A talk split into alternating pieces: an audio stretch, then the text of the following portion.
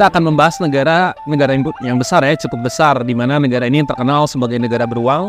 Kemudian uh, dengan dinginnya yang luar biasa juga. Nah, serta dinamika politik serta peninggayannya di masa lalu pada zaman uh, Soviet dulu. Saya mau ini lagi nih mau menjelaskan apa sih pengertian tentang perbedaan antara si Soviet dan si Rusia gitu ya. Nah, mari kita berangkat ke Land of the Bear, Privyet Ruski.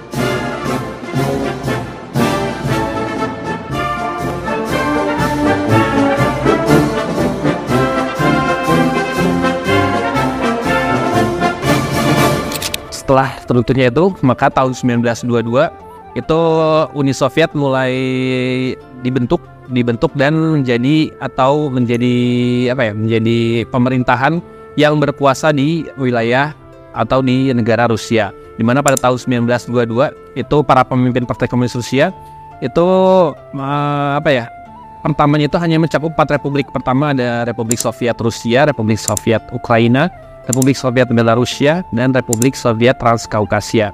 Kemudian konstitusi baru diadopsi pada tahun 1924 di mana sistem pemerintahan federal ini berdasarkan piramida Soviet di mana republik konstituen dan berpuncak pada kongres seluruh Uni Soviet itu yang utamanya gitu. Lalu uh, kalau konsepnya sih tadi ya tanah kemudian semua industri usaha kecil semua dinasionalisasi menjadi milik negara dan perekonomian uang juga dibatasi di mana pertentangan ini sangat uh, ya banyak banyak banyak per ini ya banyak perselisihan juga ya sebenarnya di awal-awal juga gitu. Kemudian kekaisaran Rusia yang pada saat itu tidak hanya mencakup Rusia, tapi juga ada beberapa wilayah ya. Tadi ada Ukraina, Belarusia, Poland, Lithuania, Estonia, Latvia, Moldova, dan negara-negara Kaukasia di uh, Asia Tengah. Ini semuanya terbagi menjadi beberapa Soviet dan terkumpul kembali menjadi uh, Soviet Union atau Uni Soviet. Gitu. Kemudian pemerintah Soviet juga menerapkan kebijakan pemberantasan buta huruf yang disebut dengan Lickdes. Lalu uh, Uni Soviet juga menerjemahkan apa tulisan-tulisan itu menjadi alfabet Cyrillic lah. Mungkin sudah tahu ya al alfabet Cyrillic itu yang sekarang masih dipakai oleh orang-orang uh, Rusia, orang-orang Serbia. Kemudian orang-orang beberapa uh, orang Slav itu masih pakai abjad Cyrillic gitu. Kemudian tahun 12 1929 sampai 1939 ini satu dekade penuh bergejolak di wilayah uh, di Soviet, di mana ada industrialisasi besar-besaran, kemudian juga ada munculnya sosok baru itu Yosef Stalin menguasai seluruh Soviet dan memegang kekuasaan ini dengan tidak terbatas, nah atau dengan kata lain dia sebagai otoriter. Nah tahun 29 Stalin uh, mengusulkan repelita rencana rencana pembangunan lima tahun loh ya. Kemudian uh, dia bertahan juga sampai Perang Dunia Kedua juga 1930-40-an di mana dia pernah berselain terlibat juga dengan Perang Dunia Kedua dia pernah uh, mengalami dengan uh, Japan Russo War atau perang dengan Rusia di mana uh, Uni Soviet Uni Soviet sebenarnya menyatakan menang ya pemenang dari si uh, perang dari Perang Dunia Kedua di mana dia berhasil menaklukkan Hitler uh, di uh, Berlin gitu.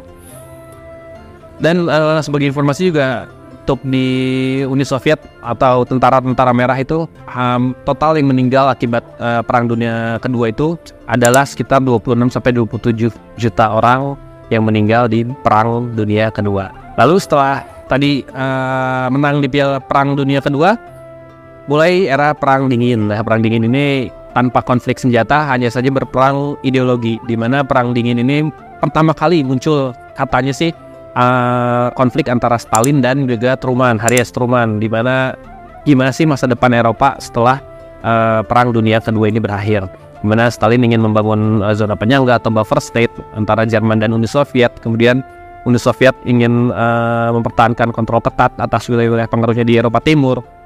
Kemudian perang dingin juga uh, apa menjalin apa uh, mempengaruhi beberapa pola dari si negara-negara yang ada di dunia saat uh, itu apalagi tahun 1970 80 sampai 90-an gitu. Kemudian ada uh, nuclear race atau perlombaan senjata nuklir. Nah, kemudian bahkan ta pada tahun tahun 16 1964 itu Nikita Khrushchev itu uh, salah satu pimpinan juga di Soviet itu harus diturunkan atau dimarzulkan gitu ya oleh Komite Sentral Partai Komunis karena uh, mengalami kemunduran kemunduran apa ya pemerintahan lah ya pemerintahnya mengalami kemunduran akibat dari krisis rudal Kuba di mana itu terjadi antara uh, Fidel Castro dengan dulu kalau nggak JFK kalau saja uh, John F Kennedy. Kemudian Soviet beberapa kali dipimpin oleh beberapa nama-nama yaitu pertama ada Leonid Brezhnev, ada Alexei Kozygin, ada Nikolai uh, Podgorny dan nanti terakhir ada Michael Gorbachev. Oke, terakhir kan dipimpin oleh Michael Mikhail atau Mikhail Gorbachev nah itu mulai turun dan bubar pada pada zaman Michael Gorbachev di mana pada tanggal 25 Desember 91 Soviet resmi berakhir.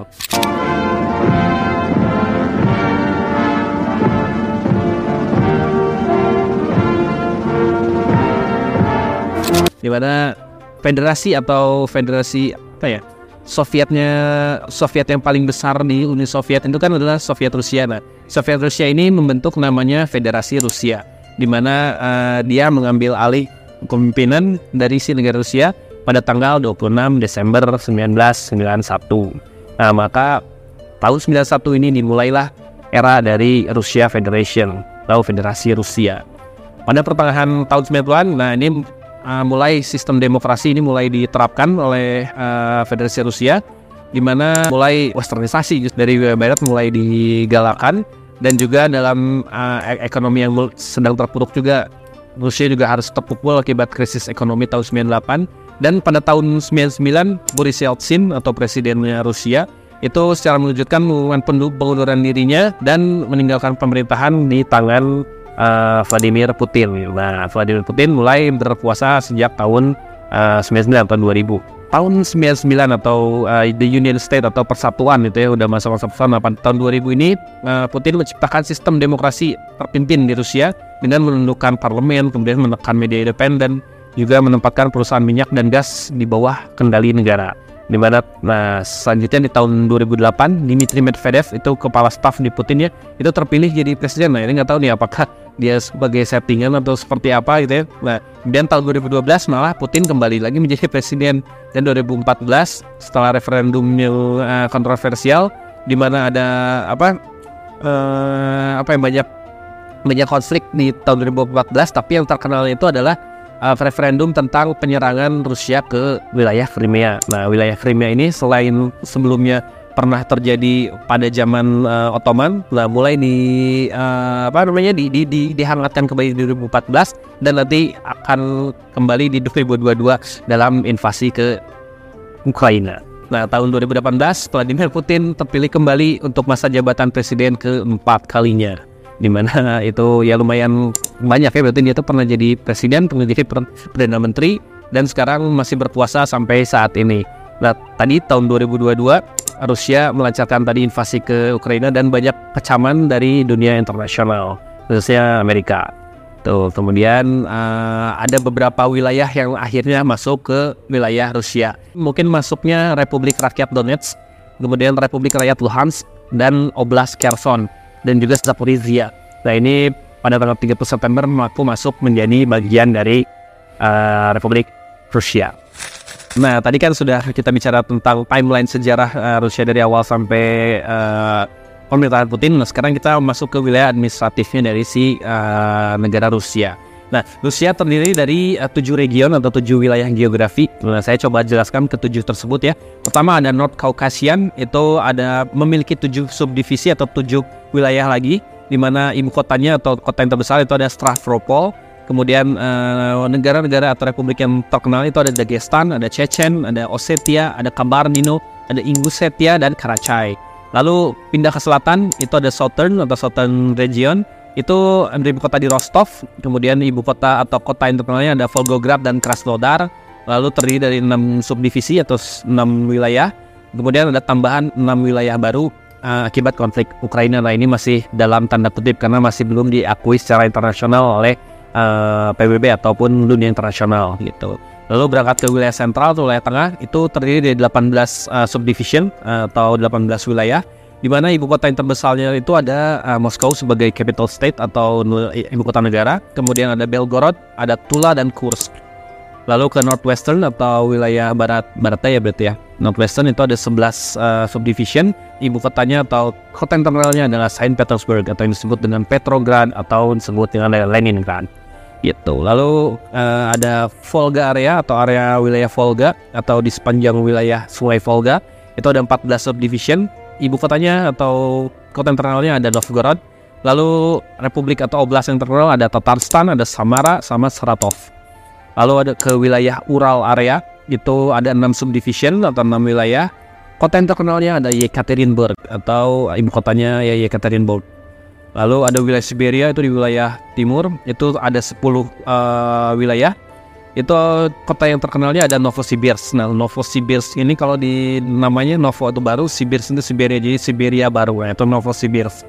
Lalu oblast yang terkenalnya ada Altai, ada Omsk, ada Khakassia dan Irkutsk. Dan yang terakhir ada Far East atau uh, apa timur jauh gitu ya, karena memang sangat jauh.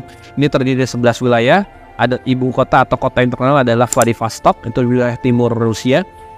Oblast yang terkenal ada Khabarovsk, Yakutsk, dan Jewish Oblast atau oblast yang dimiliki oleh orang-orang Yahudi di Rusia. Nah, dari dari 7 atau 8 wilayah uh, tersebut terdapat 83 subdivisi atau 83 uh, eh, apa pemerintahan gitu ya, pemerintahan yang diakui secara internasional dan 6, 6, 6 subdivisi atau 6 wilayah yang uh, tidak diakui secara internasional yaitu karena tadi karena uh, apa sih ibaratnya sebagai pencaplokan dari wilayah Ukraina. Uh, dari si 83 atau 86 ini terbagi lagi nih ada beberapa uh, apa namanya bentuk pemerintahan lah ya. Nah, bentuk pemerintahan itu pertama ada republik.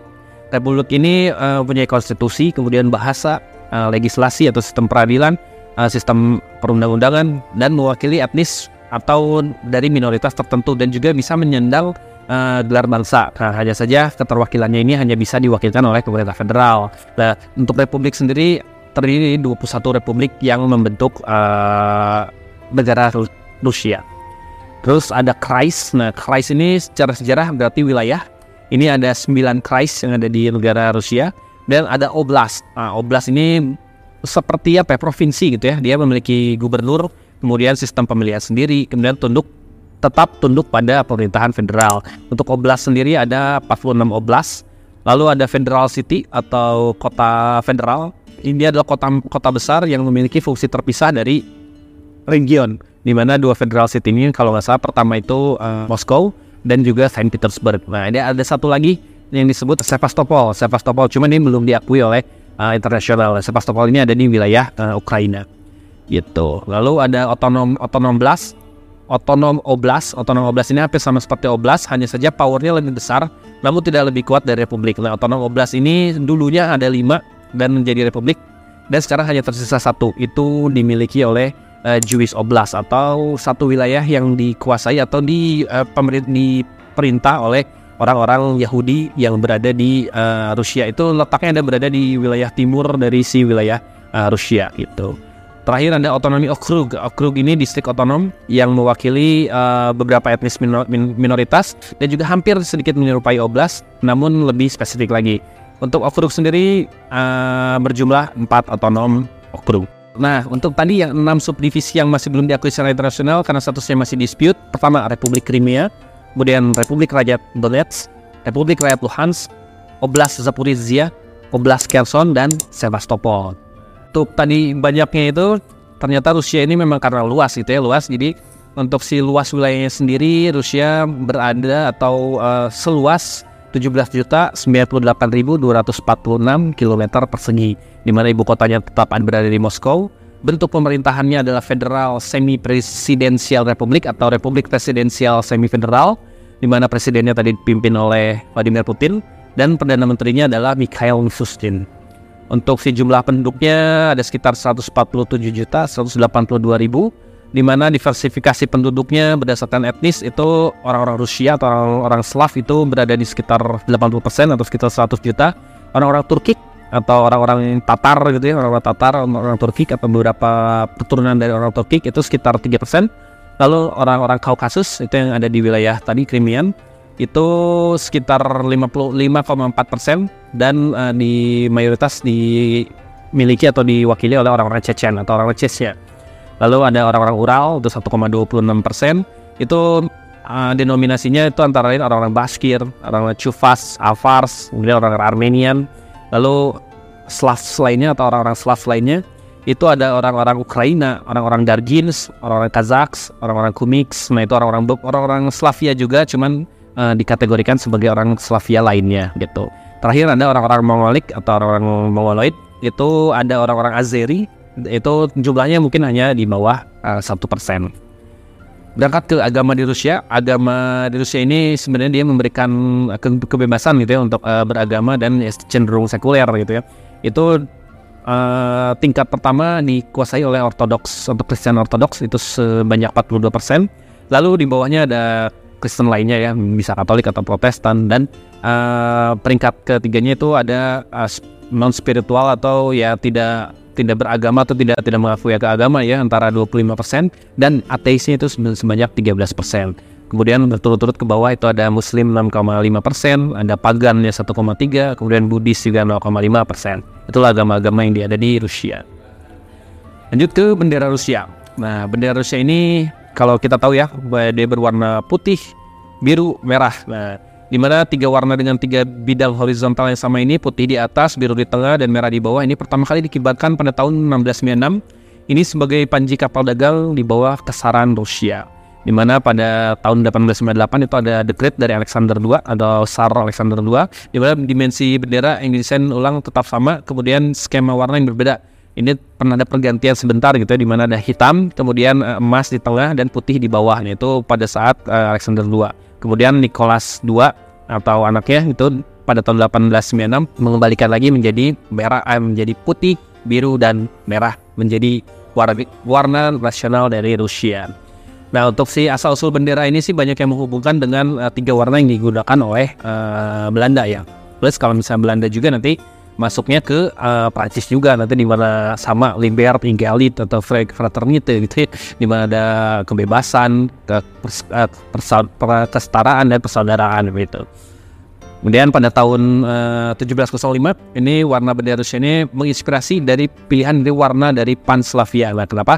Jadi warna yang tadi uh, biru, putih, merah ini menjadi uh, warna dasar dari orang-orang Slavia. Nah, makanya kenapa warna-warna uh, seperti itu dipakai oleh beberapa negara yang ada di uh, Slavia atau uh, wilayah Eropa Timur. Sebut saja ada Slovenia, kemudian uh, Serbia, Kroasia, uh, apalagi ya?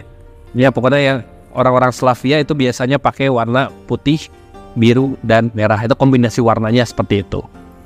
Nah, pada tahun 1917 warna tadi warna biru put, uh, biru putih merah tersebut harus diganti oleh uh, warna merah polos dengan ada lambang Palu Arit. Kenapa? Karena memang pemerintahnya pun berganti dari mulai uh, semulanya kekaisaran menjadi ke Soviet. Nah, Soviet ini uh, kaum Bolshevik tadi menghapuskan tiga warna tradisional tadi.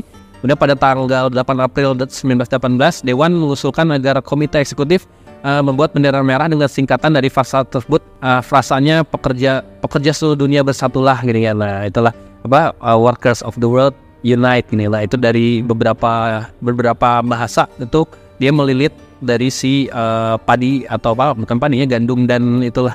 Nah itu sebutnya pada tahun 1918 nah lumayan bertahan sehingga tahun 91 setelah pembubaran Federasi Rusia yang baru merdeka mewarisi uh, Soviet ya. Nah, itu mulai mengganti warna dari si bendera Soviet tadi gitu. Jadi uh, sekarang uh, bendera Rusia kembali ke putih, biru dan merah. Oke, untuk si lambang Rusia sendiri terkenalnya sekarang apa? Tadi double headed eagle atau elang berkepala dua itu tadi dah diambil oleh uh, Ivan the Third atau uh, itu diambil dari uh, apa ya? Karena Rusia dulu menjadi bagian atau menjadi uh, pusatnya dari Kristen Ortodoks yang berasal dari Bizantium. Nah, makanya kenapa si double headed eagle ini diadopsi menjadi uh, simbol atau lambang negara Rusia. Itu itulah kenapa Rusia menjadi memiliki lambang double headed eagle di uh, apa namanya Panji Nah, simbol negaranya gitu. Kemudian selain double headed eagle juga uh, Rusia juga terkenal dengan beruangnya gitu.